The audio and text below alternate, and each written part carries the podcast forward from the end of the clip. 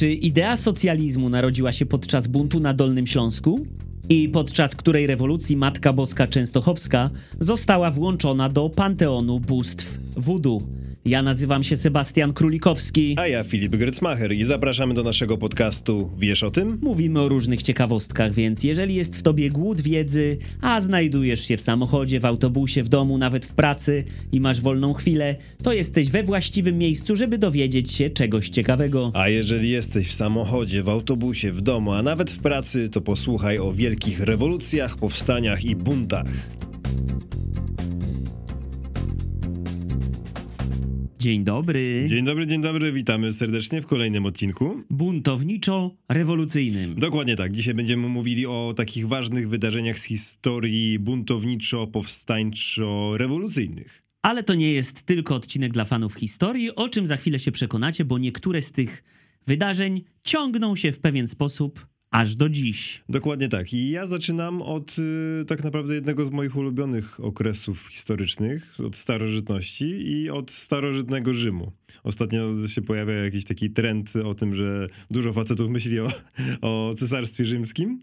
Y, nie wiem, czy może są to po prostu jakieś zwykłe pomówienia, ale ja rzeczywiście lubię y, historię starożytnego Rzymu i troszkę właśnie się w nią za, zagłębię. Spartacus. Słynna postać, no jedna z najsłynniejszych w ogóle chyba z czasów właśnie staroży, starożytnego Rzymu. I świetna rola Kerka Douglasa. tak, tak, dokładnie tak. I też świetny serial Spartacus, który też e, polecam. E, współcześniejszy. Mm, opowiadaliśmy kiedyś e, w odcinku o niewolnictwie i handlu ludźmi. O niewolnictwie, a konkretnie o tym, jak Rzym słynął właśnie z walczących niewolników, czyli gladiatorów. I najsłynniejszym właśnie z tych gladiatorów był Spartacus. I właśnie Spartacus stał na czele powstania niewolników, które znamy właśnie jako od jego imienia powstanie Spartakusa. Był to największy bunt niewolników e, w historii starożytnego Rzymu. Nie wiadomo na 100% e, skąd pochodził Spartacus. Przyznaje się, e, przyjmuje się, że pochodził z Tracji i ogólnie no, często się go właśnie nazywa te, te, Trakiem. E, Tracja to, tak powiedzmy, patrząc geograficznie, to tereny dzisiejszej Bułgarii, Turcji, Grecji, okolice wokół e, Stambułu, e, kiedyś właśnie wokół Bizancjum czy wokół Konstantynopola. Nie wiadomo też, jak naprawdę się nazywał, bo imię Spartacus nadano mu już właśnie, kiedy został niewolnikiem, kiedy został gladiatorem. I ogólnie niewolnicy i gladiatorzy mm, no, nie byli zbyt dobrze tak traktowani. O gladiatorach różne krążą historie. Byli również gladiatorzy, którzy nie byli niewolnikami, to prawda, ale jednak e, zdecydowana większość z nich była zniewolona i tym samym, tym samym ich status, e, status się, e, coś tutaj przejęzyczam, ich status nie był bardzo wysoki. Pod wpływem tego no, złego traktowania i ogólnej wściekłości i desperacji tak naprawdę wielu niewolników, narastały nastroje buntownicze wśród nich i w końcu rzeczywiście wybuchło powstanie, któremu przewodniczył właśnie słynny Spartacus. Zaczęło się od z takiego spisku w szkole gladiatorów Lentulusa Batiatusa mm, w Capui. Mm, Capua to tak okolice Neapolu, też żeby to tak zobrazować e, geograficznie e, w dzisiejszych Włoszech. E, w spisku tym wzięło udział około 200 gladiatorów i z tych 200 udało się uciec y, około 78 się podaje, no tam plus minus około 80. I oni uciekli w stronę Wezuwiusza i na zboczu wulkanu y, się ukrywali. Ciągle dołączali do nich kolejni niewolnicy i ludzie, którym nie było po drodze, powiedzmy, z senatem rzymskim, bo również tam często e, drobni rolnicy, czy po prostu biedniejsi ludzie dołączali do nich. Mm, I w, w, każdym razie mm, Wezuwiusz stał się dla nich e, pewnego rodzaju taką fortecą, twierdzą. Mieli bardzo komfortowe położenie, tak? E, znajdując się na jednak no, wielkiej górze, na wielkim wulkanie, e, bo stali nad wojskami, które chciały ich bunt stłumić. Mm, I też no, mieli do, bardzo dobry punkt obserwacyjny. Obok Spartakusa wodzami wówczas zostali również Krixos i Onamaos, to te dwie postacie też się pojawiają właśnie między innymi w tym serialu Spartacus, o którym mówiłem. Mm, no i oni ogólnie nie siedzieli non-stop na tym wulkanie, bo musieli też zdobywać pożywienie, broń i nowych buntowników, tak, żeby ich szeregi e, się mm, e, zwiększały i rzeczywiście zwiększyły się dosyć szybko do około 10 tysięcy już właśnie uczestników tego powstania. No i w końcu Senat Rzymski postanowił raz na zawsze zlikwidować problem, którym był ten bunt i wysłali wojsko pod dowództwem Klaudiusza Glabera. Spartakus wraz ze swoimi towarzyszami jednak skonstruowali e, takie liny zrobione z różnych pnączy i kiedy właśnie te wojska już e, podeszły e, blisko Wezuwiusza, to oni zeszli po ścianie Wezuwiusza właśnie na tych linach i otoczyli właśnie wojska Glabera i dokonali na nie ataku w nocy, totalnie ich zaskakując i ostatecznie rozbijając armię Glabera. No i informacje o tej bitwie rozeszły się po Rzymie, po całej Italii tak naprawdę i strach przed powstaniem wzrósł wśród Rzymian, a wśród niewolników z kolei no tak naprawdę obudziła się wielka nadzieja na wolność, tak? No bo wielu z nich, y, którzy byli bardzo źle traktowani przez tych e, panów rzymskich, no gdzieś tam cały czas miała nadzieję, że uda im się spod tego bata uciec. No i rzeczywiście ich szeregi rosły i rosły. I dołączali do nich nie tylko wojownicy, ale tak jak właśnie też mówiłem wcześniej, że też y, normalni cywile tak naprawdę, rzemieślnicy, rolnicy, kobiety z dziećmi.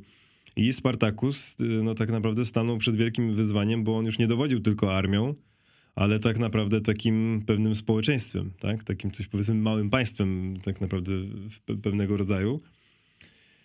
I ludzie Spartakusa w dużej mierze też e, plądrowali rzymskie tereny mm, i podobno dochodziło do wielu okrucieństw, które, mm, no tak jak się powiedzmy przyjmuje, e, Spartakus chciał eliminować i zależało mu na tym, żeby nie traktowali Rzymian w taki sposób, jak Rzymianie traktowali ich, tak? Bo on nie chciał, żeby to była taka właśnie zemsta, powiedzmy oko za oko, tylko po prostu, żeby odzyskali wolność przede wszystkim. E, no ale pewnie w wielu niewolnikach e, było po prostu no, bardzo dużo chęci zemsty, więc no, myślili się na rzeczywiście, zwłaszcza tych najbogatszych Rzymianach. Mm, atakowali głównie e, małe miejscowości, no właśnie tam, gdzie ci bogaci Rzymianie żyli powiedzmy na takich obrzeżach między innymi dużych miast i ludzie, którzy mieszkali na terenach, do których powstańcy się zbliżali, po prostu uciekali. Tak? Kiedy już widzieli, że znajdują się powiedzmy na szlaku ich, w, w którą stronę idą, no to e, brali co się dało i uciekali, żeby nie zostać zabitym. Splądrowali kampanię, byli w Lukani i doszli do Kalabrii. I właśnie co ciekawe, kiedy doszli już na samo południe Półwyspu Apenińskiego, e, tak powiedzmy w okolice e, Obcasa i podeszwy, podeszwy, patrząc na ten but na mapie, no to doszli do wniosku, że nie mogą zostać w Italii, muszą się z niej wydostać i rozejść się po Europie. I właśnie to dla mnie jest takie zastanawiające, że szli na południe, zapędzili się na sam koniec jakby tego półwyspu, żeby jednak podjąć decyzję, że jednak muszą iść na samą górę i się stamtąd wydostać. No ale właśnie przez to, że byli na samym południu, no to mieli przed sobą bardzo daleką drogę i wielu Rzymian, i wielu, yy, wielu żołnierzy rzymskich. I po ponad roku z tych 78 plus minus ocalałych gladiatorów yy, z tej szkoły Lentulusa Batiatusa liczba powstańców urosła do 60 tysięcy. No więc to bardzo szybko tak naprawdę, jak na tamte czasy. Jak dzisiaj yy, informacje się rozchodzą błyskawicznie, nie? Ale kiedyś to przecież wszystko trwało i trwało i trwało, a, a oni to zrobili naprawdę w imponującym tempie. Ich armia jednak zaczęła się rozdzielać. I w końcu zostały rozbite oddziały dowodzone przez Kriksosa, jednego z tych najważniejszych dowódców. Spartakus później ich pomścił i urządził, właśnie to jest też ciekawe, że właśnie e, wybił ty, tych dowódców, te, te armie, które właśnie mm, im zagrażały i te, które e, walczyły między innymi z Kriksosem. I e, kiedy już właśnie ich, no właśnie pokonał tę armię, to urządził w obozie walki gladiatorów I tym razem yy, tymi gladiatorami byli rzymscy jeńcy. I to miało być takie jakby takie igrzyska ku czci Kriksosa. Więc to jest też bardzo ciekawe, jak oni odwrócili tę rolę w taki sposób. Podobno w tym czasie wojsko Spartakusa rozrosło się nawet do 120 tysięcy. No więc to już jest kosmiczna w ogóle liczba. To już całkiem spora armia z tego Bardzo. wyszła. No i to właśnie, bo i to podobno, te, no nie wiem, tak jak czytałem, te 120 tysięcy to podobno, no nie byli po, sami powstańcy, ale armia, tak? Czyli ci wszyscy, co mogli walczyć. No więc to już jest imponujące. To już jest tak naprawdę, no jak duże, niemałego państwa tak na, naprawdę armia. Ale nie jest to łatwe wszystko do potwierdzenia, jeśli chodzi o te liczby, więc y, podchodziłbym z pewnym dystansem do tych liczb. No i w pewnym momencie doszli już na północ Italii i już tak naprawdę mogli dojść do Alp. Już y, mieli je bardzo blisko, bo nie chcieli przejść przez Alpy i rozejść się po Europie. Jednak zawrócili. I nie wiadomo dlaczego. Czy bali się zimy, czy właśnie dochodziło do tych różnych podziałów wewnętrznych i do powiedzmy coraz bardziej może rozmijały się te wizje na temat tego, co powinni dalej robić. Trudno powiedzieć. Historycy też do końca jakby nie potrafią na to odpowiedzieć. W każdym razie, no przez to, że nie wyszli z Italii, tylko zawrócili, no to nie przestali być problemem Rzymu. I Senat udzielił e, takich specjalnych uprawnień Markowi Crassusowi, bardzo bogatemu Rzymianinowi, który objął pełną władzę nad kampanią wojenną przeciwko Spartakusowi i oddali mu bardzo dużo władzy i bali się udzielenia mu tak dużej władzy senatorzy, no ale chyba jeszcze bardziej się bali Spartakusa i tego, że tego, jakie konsekwencje on będzie mógł przynieść w ogóle dla całego państwa rzymskiego. No i ludzie Spartakusa znowu udali się na południe, bo tym razem podjęli decyzję, że chcą popłynąć na Sycylię i żeby właśnie na Sycylii dalej y, kontynuować to, ten bunt, to powstanie. Zostali jednak zdradzeni przez piratów, z którymi się dogadywali, a Marek Krasus otoczył ich wówczas i y, ich wojska tak, że nie mieli jak się wydostać z tamtych terenów. Y, w, w szeregach Spartakusa dochodziło do właśnie do kolejnych podziałów, co cały czas ich osłabiało. No i ostatecznie ich zgubiło, bo Krasus rozbił armię, która się oderwała, złożona głównie z Galów i y, Germanów, a wzmacniany między innymi podobno to nie jest tak e, całkowicie potwierdzone stuprocentowo historycznie, ale są takie teorie, że był e, wzmacniany między innymi przez Juliusza Cezara. E, I to pomimo różnych przegranych bitew i strat wśród również żołnierzy rzymskich, doszło do słynnej bitwy nad rzeką Silarus i w niej miało zginąć około 50 tysięcy żołnierzy Spartakusa, podobno łącznie z nim. Jednak jego ciała nie znaleziono, więc no, powiedzmy rozeszła się wieść, że Spartakus nie żyje. Mm, no i tak to się historycznie przyjmuje, że on e, prawdopodobnie zginął w tej bitwie i około 6 tysięcy powstańców, których schwytano, e, Marek Krasus wówczas e, kazał ukrzyżować wzdłuż drogi Via Appia, taka droga właśnie między Rzymem a Kapułą. Która chyba istnieje do dzisiaj zresztą. Tak, zdaje się, że tak i no, te 6 tysięcy ukrzyżowanych powstańców miało być przestrogą dla, dla tych wszystkich, którzy chcieliby się zbuntować. No i konsekwencje całego tego powstania były takie, że podobno zwiększyła się dyscyplina względem gladiatorów, ale ogólnie zmniejszał się stopniowo coraz bardziej udział niewolników w ogóle w całej gospodarce rzymskiej, a wielu właścicieli ziemskich decydowało się zatrudniać w swoich latyfundiach biednych, ale wolnych Rzymian e, zamiast niewolników. No bo bali się pewnie, że może znowu przyjdzie jakieś powstanie, czy jakieś bunty tych niewolników i że ta historia będzie inspirowała innych e, w przyszłości. Więc rzeczywiście powiedzmy, podobno w jakimś stopniu mm, los niewolników był później trochę lepszy, chociaż no to też pewnie zależy od ludzi i od miejsca. Zupełnie przypadkowo, ja też mam historię rewolucji, buntu związanego z niewolnikami. Mhm. Rewolucja haitańska to tak właściwie cała seria walk stoczonych przez w dużej mierze czarnoskórych niewolników, którzy walczyli z siłami francuskimi, bo wtedy Haiti to była francuska kolonia, ale również z polskimi żołnierzami. Hmm. I to jest taki bardzo mało znany wątek, a moim zdaniem cholernie ciekawy element naszej historii, o którym warto powiedzieć, tym bardziej, że poniekąd ta historia ciągnie się do dziś. Ale o tym na sam koniec. Cała rewolucja odbywała się w latach 1791-1804 na Haiti, które wtedy się nazywało Saint-Domingue. W przeciwieństwie do większości buntów, rewolucji i tak to był bardzo długi proces.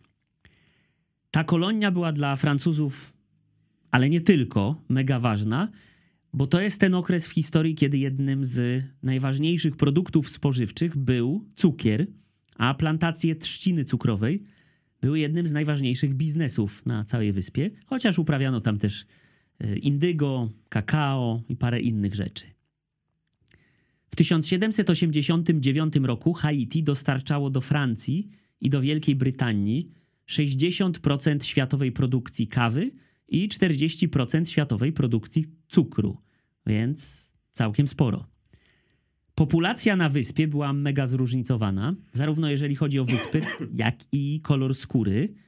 Mieszkało tam 40 tysięcy białych osadników, głównie plantatorów, 28 tysięcy wolnych, ważne, wolnych, czarnoskórych osób albo potomków tych dwóch ras, a także mniej więcej 450 tysięcy czarnoskórych niewolników.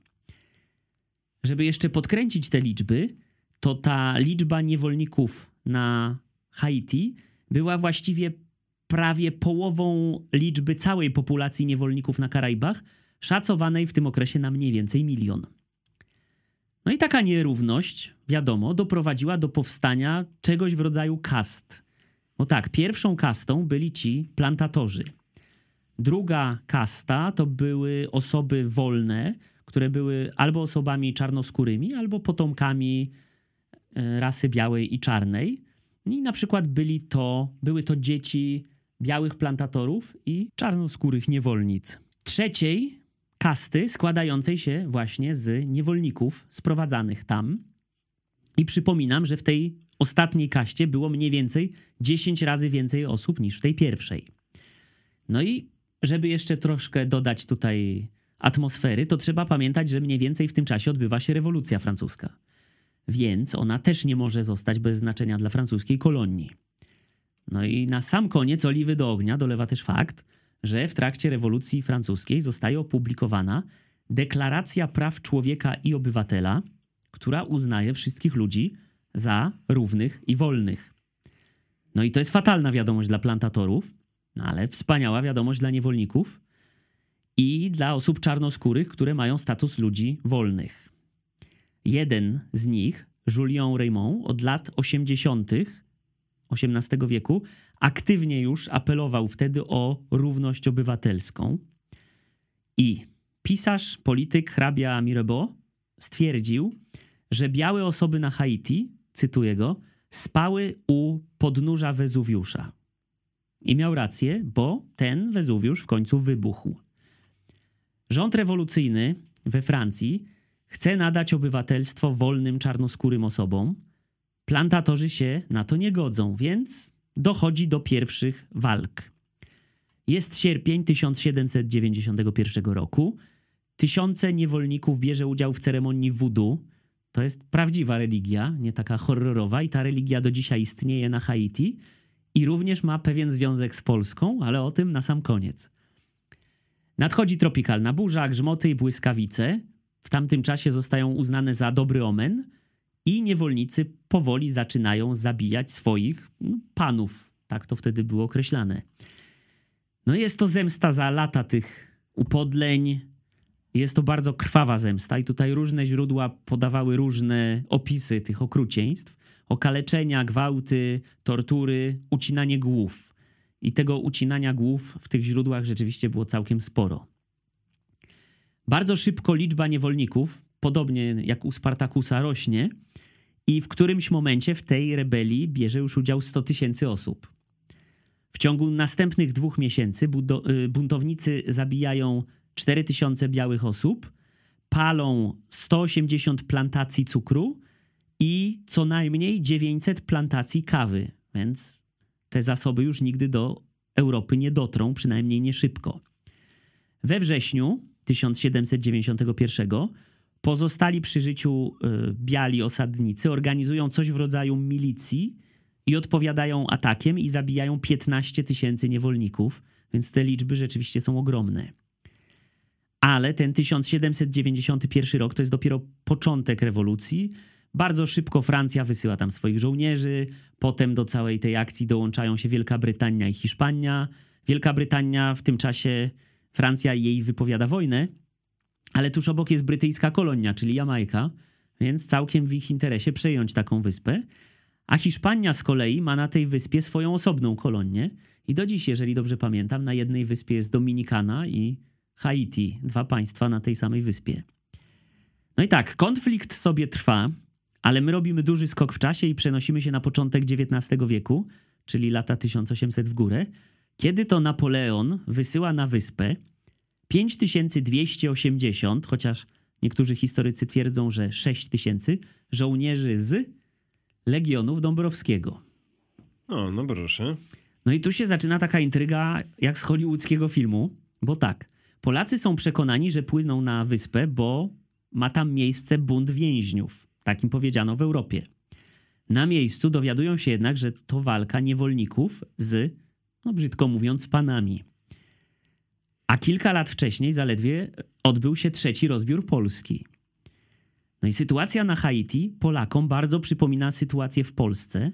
W związku z tym część, zamiast walczyć po stronie Napoleona i Francuzów, sprzeciwia się francuskiej armii i dołącza do haitańskich niewolników. Udział niestety dla naszych rodaków nie był zbyt łaskawy, bo do tych, którzy zginęli podczas walk, dołączyli ci, którzy padli ofiarą chorób tropikalnych. Między innymi w tym czasie kosiła nieźle ludzi żółta febra. W wyniku chorób lub walk zginęło 4000 Polaków. Około 400 z nich pozostało na wyspie po całym tym buncie. Kilkadziesiąt uciekło na pobliskie wyspy, na przykład Kubę albo do Stanów Zjednoczonych. Też, też część się wy, wyprawiła.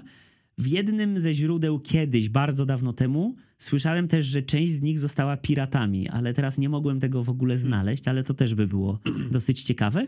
Około 700 y, polskich żołnierzy wróciło do Francji. W przeciwieństwie jednak do powstania Spartakusa, tutaj rewolucja haitańska zakończyła się porażką tych złych, czyli białych plantatorów i upadkiem całego tego systemu kolonizacyjnego. No i właśnie rewolucja haitańska była największym od czasów powstania Spartakusa powstaniem niewolników w historii.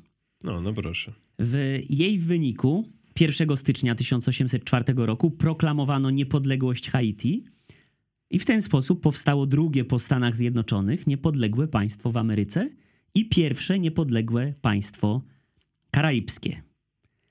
I tak jak powiedziałem, część naszych rodaków została na tej wyspie.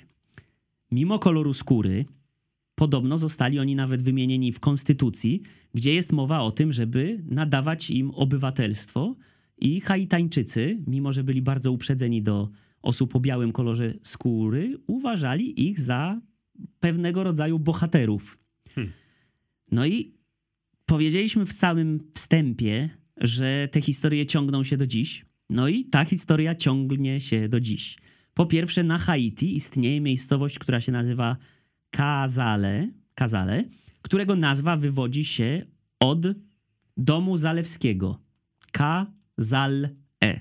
Mhm. W miejscowości tej, ale nie tylko, zostali potomkowie Polaków o białej skórze i jasnych włosach, albo o takich europejskich rysach. Część jednak się zasymilowała i rasy po prostu się tam wymieszały. Ale do dziś występują tam ludzie, którzy mają nazwisko na przykład Belno, pochodzące od Belnowski, albo Poto, pochodzące od Potocki. Potocki. Mhm. Y, kolejnymi pozostałościami jest chociażby taniec, który się nazywa polka, a także na Haiti zaplatane jest coś w rodzaju takiego słowiańskiego warkocza. No i język. Zostały również pozostałości polskie w języku kreolskim. Ale możesz je powiedzieć bez cenzury? W, mogę. mogę. Słuchaj.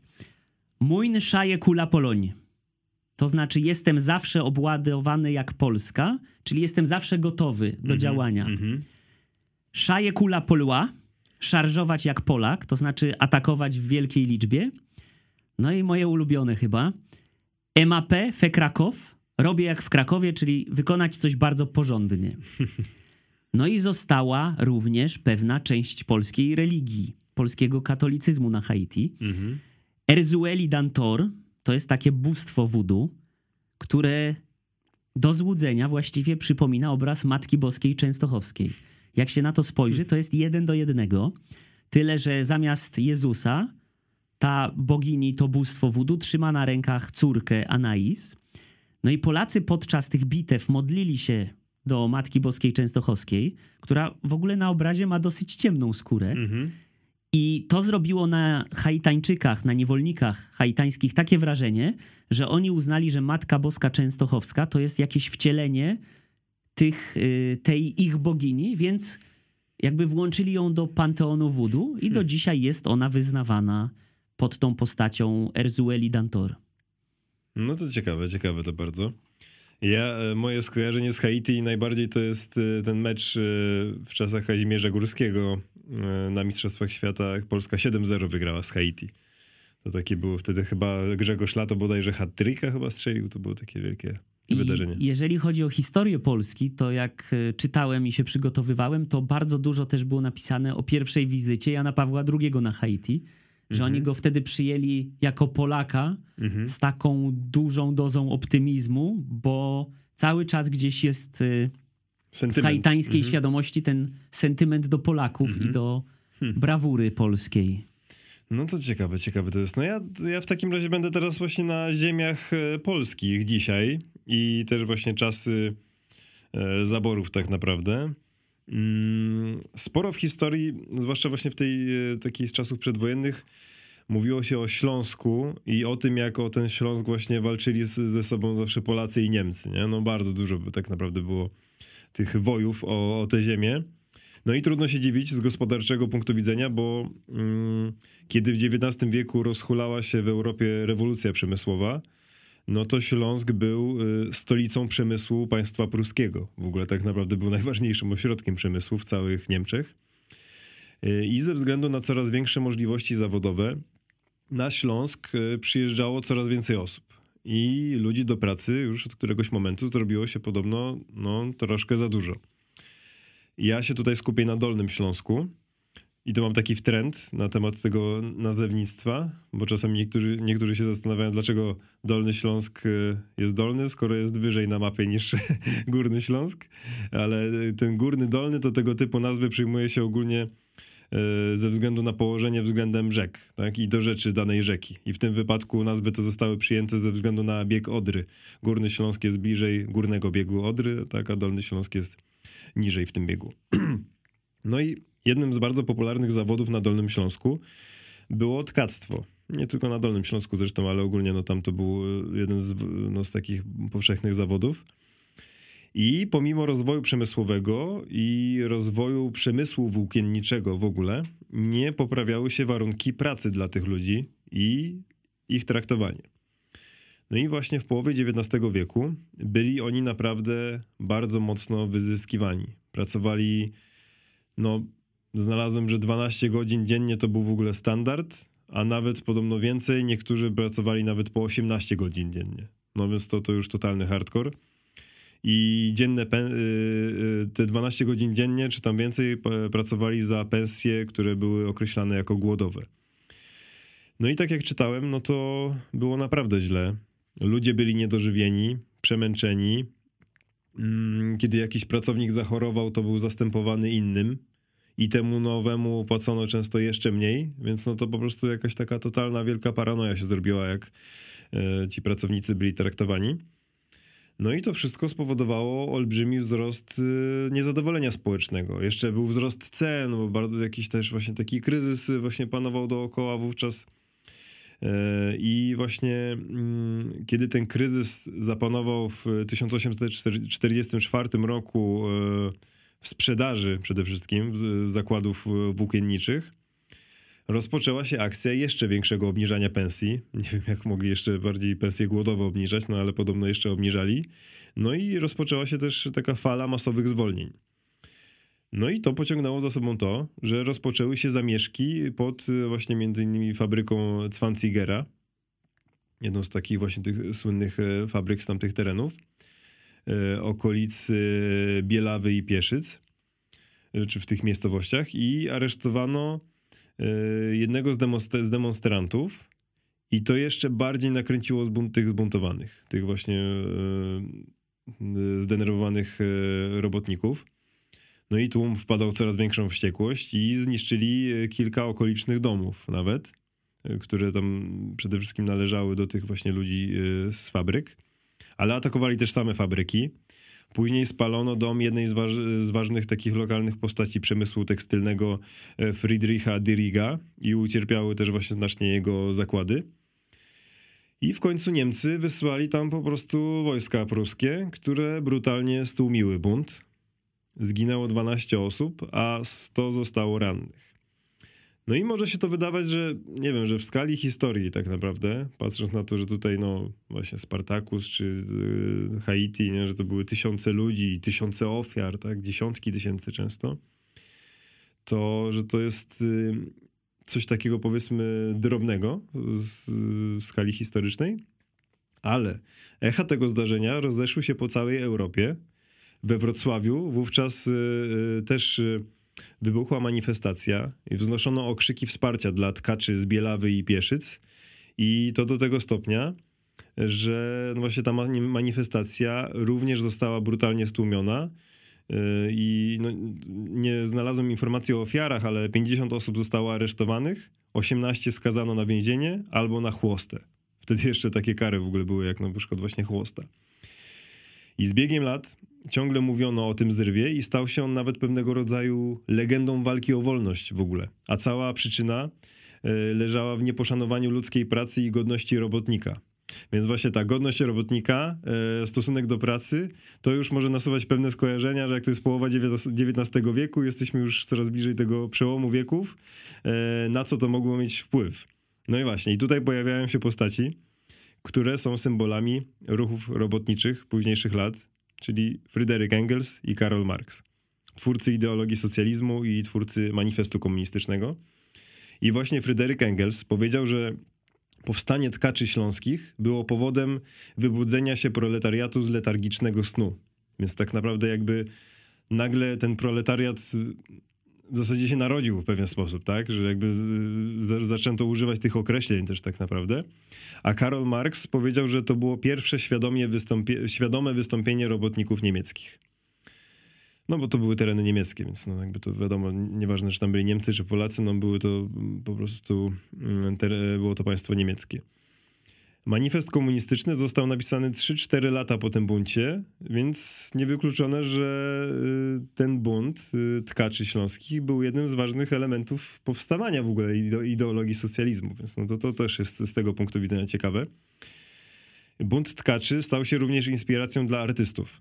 Na podstawie tych wydarzeń powstał dramat Gerharda mm, Hauptmana, Tkacze, którego sława rozeszła się po całym świecie – i tak na podstawie tego dramatu jedna z największych anarchistek XX wieku, Emma Goldman, która w którymś momencie też wyemigrowała do Stanów Zjednoczonych, mm, mówiła o e, ludziach pracujących po 18 godzin dziennie, zarabiających niewystarczająco na chleb i opał, o ludziach żyjących w zniszczonych, nędznych chatach do połowy pokrytych śniegiem i niczym poza strzępami chroniącymi ich przed zimnem.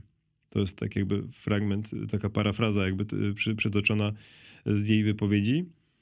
E, I no właśnie, więc tak naprawdę na całym świecie się mówiło o tym buncie, no właśnie, który mówię, z punktu widzenia historii może wydawać się drobny, a pociągnął za sobą tak naprawdę bardzo dużo. Także to zdarzenie na Śląsku mogło być inspiracją dla wielu zjawisk. Socjalizm, tak, który właśnie się e, e, rodził, może poniekąd nawet wiosna ludów, tak, która rozpoczęła się 4 lata po tych zdarzeniach. E, czyli właśnie te właśnie takie zbro... Mm, powstania, bunty w całej Europie. No, ciekawe, ciekawe to jest tak naprawdę, że jakoś się nie dużo też o tym mówi, a na naszych ziemiach, które no wtedy nie były nasze, ale dzisiaj są nasze, działy się takie wydarzenia, które mogłyby mieć wpływ na gdzieś tam sposób myślenia na całym świecie. No to ja ciągnę te historie dalej, bo znowu one się łączą. Mhm. Idziemy na wschód. Mamy Rosję, która, wiadomo, rewolucja wielka październikowa, również związana z proletariatem. I z Marksem i Engelsem. Ale nie o tym będę mówił. Będę mówił o tym, co się wydarzyło wcześniej, ale zaraz to połączę z proletariatem. 1905 trwa wojna Rosji z Japonią, o której już też mówiliśmy w jednym tak, z tak, odcinków. Tak, tak. Mhm. Trwa również rewolucja rosyjska. Jednym z takich wydarzeń jest Krwawa Niedziela, która miała miejsce w Petersburgu. Y, została tam zorganizowana 200-tysięczna demonstracja robotników, która zakończyła się śmiercią 93 osób, zranieniem 333, z których potem zmarło 34, choć nieoficjalnie mówi się, że tych zabitych mogło być wtedy między 800 a 1000 nawet. W Rosji jest więc gorąco, ale nie będę opowiadał ani o tej rewolucji, ani o tej krwawej niedzieli, ale o jednym maleńkim, ale mega znaczącym elemencie buncie na pancerniku Patiomkin. W tamtym momencie Rosja miała trzy floty: bałtycką, flotę Oceanu Spokojnego i czarnomorską. Te dwie pierwsze straciła właśnie w wojnie z Japonią. Pancernik Patiomkin należał do tej trzeciej. Wiadomo więc, że morale marynarzy nie było zbyt wysokie, no bo ich koledzy ginęli gdzieś tam daleko, daleko, w kraju, którego oni nigdy nie widzieli na oczy, a być może nawet nigdy o nim nie słyszeli. Jedno ze źródeł, które sprawdzałem, wspomniało również, że niektórzy marynarze z tej floty czarnomorskiej byli przenoszeni na Daleki Wschód. Sam Patiomkin był najnowocześniejszym okrętem floty czarnomorskiej. Miał mniej więcej 115 metrów długości, 22 szerokości i był uzbrojony, tutaj się rozmijały źródła, w mniej więcej 40 dział, a załogę pancernika stanowiło, no i znowu zależnie od źródeł, między 700 a 800 osób. No i w czerwcu 1905 roku marynarze ci poczuli na pokładzie smród. Niesamowity smród. I okazało się bardzo szybko, że źródłem tego smrodu jest zepsute mięso. Jak na nie zerknęli, to to zepsute mięso było w całości pokryte takimi robalami. Mało tego, okrętowy kucharz zamierzał z tego mięsa ugotować barszcz. Więc oni się na to nie zgodzili i powiedzieli, że nie będą tego jedli. Ale mimo protestów kucharze ugotowali na tym mięsie zupę i podali ją załodze, a ta odmówiła z jedzenia. Co dowództwo statku uznało za niesubordynację i zagroziło załodze rozstrzelaniem. Więc oni się zdenerwowali, no i to już doprowadziło do prawdziwego buntu. Marynarze chwycili za broń, zaczęła się strzelanina. W wyniku tej strzelaniny zginął dowódca okrętu Jewgenii Golikow i kilku oficerów. Patiomkin, na którym wywieszono czerwoną banderę, popłynął do Odessy. No i tak się złożyło, że w tym czasie w Odessie trwały rewolucyjne zamieszki. No i załoga całego statku stanęła po stronie rewolucjonistów.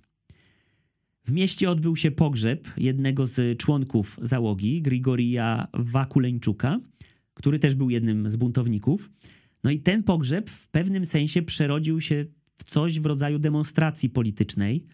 W trakcie tej demonstracji, tego pogrzebu, wojsko próbowało zaatakować marynarzy, którzy brali udział w tej ceremonii. No i w odwecie Patiomkin wystrzelił dwa pociski w miejsce, w którym odbywało się takie zebranie wojskowych wysokiego szczebla.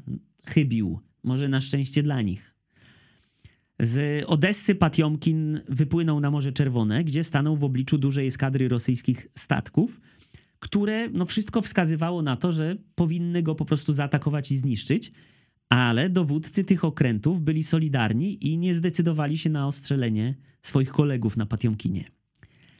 Po drodze miało miejsce jeszcze kilka różnych innych wydarzeń, ale w dużym skrócie Patiomkin w którymś momencie dopłynął do miejscowości Konstancy w Rumunii, tam marynarze zeszli na ląd, a Rumunia po jakimś czasie zwróciła statek Rosji. Część marynarzy została w Rumunii albo wyemigrowała do innych państw. Część, co jest dosyć chyba nierozsądne, wróciła do Rosji, gdzie stanęła pod sądem. No i bunt skończył się dla nich więzieniem albo wysłaniem na Syberię na taką katorgę. Co ciekawe, ostatnim ocalałym z buntu był Iwan Beszow, który zmarł dopiero 25 października w 1987 roku. Miał 102 lata i zmarł w Dublinie w Irlandii. No i ponieważ sam pancernik w pewien sposób został z, zhańbiony, jego nazwę zmieniono potem na Pantieleimon. Brał on potem udział m.in. w I wojnie światowej. I nie wszystkie źródła były co do tego zgodne, ale większość podaje, że w 1919 roku statek wysadzili w powietrze Francuzi, bo nie chcieli, żeby dostał się on w ręce bolszewików. No jak już mówimy o tych bolszewikach, to wracamy do tego proletariatu z powstania tkaczy, bo dla bolszewików ten bunt na Patiomkinie stał się symbolem. I tutaj mamy propagandę ogromną i zakłamanie historii, bo cały bunt wziął się stąd, że oni po prostu nie chcieli jeść mięsa.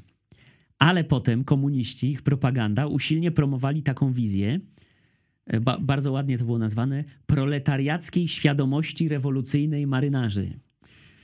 No i wykorzystano właśnie ten pancernik Patiomkin jako podstawę do dzieł sztuki, wierszy, różnych innych rzeczy.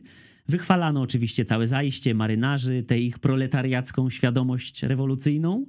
No i takim najbardziej znanym dziełem jest film Siergieja Eisensteina, Pancernik Patiomkin, który jest klasyką kina. Jak ktoś nie oglądał, może się nie zanudzi, ale Eisenstein właściwie wymyślił połowę współczesnego montażu filmowego, więc Dokładnie. warto sobie na to zerknąć. Ciekawe, to jest ciekawe w ogóle, ile my znamy jakby z historii e, faktów przez nas przyjętych, które jednak e, wyglądały zupełnie inaczej, bo akurat po prostu były przekazywane przez daną propagandę. W określony sposób. W nie? określony sposób, tak, tak, tak. No to my teraz w określony sposób Propagujemy subskrybowanie nas na YouTubie, na, na Spotify. Spotify'u, na Instagramie możecie nas obserwować, e, Google Podcast możecie nas śledzić, na TikToku. a także buycoffee.to, łamane na wiesz o tym, link macie w opisie odcinka. Tam można nas wesprzeć małą, dużą, średnią kawką. To może być nawet kawa z Haiti. Może być. Dokładnie tak. I my wam dzisiaj dziękujemy i zapraszamy was do wysłuchania następnego odcinka i do wszystkich innych, których jeszcze nie słyszeliście. Trochę ich już jest. No I- tak. I cóż, A my możemy y, powiedzieć na koniec, że jesteśmy Mein Szaje Kula Poloń, czyli jesteśmy zawsze gotowi do opowiadania wam historii. dokładnie tak. Dzięki wielkie, cześć, cześć, cześć.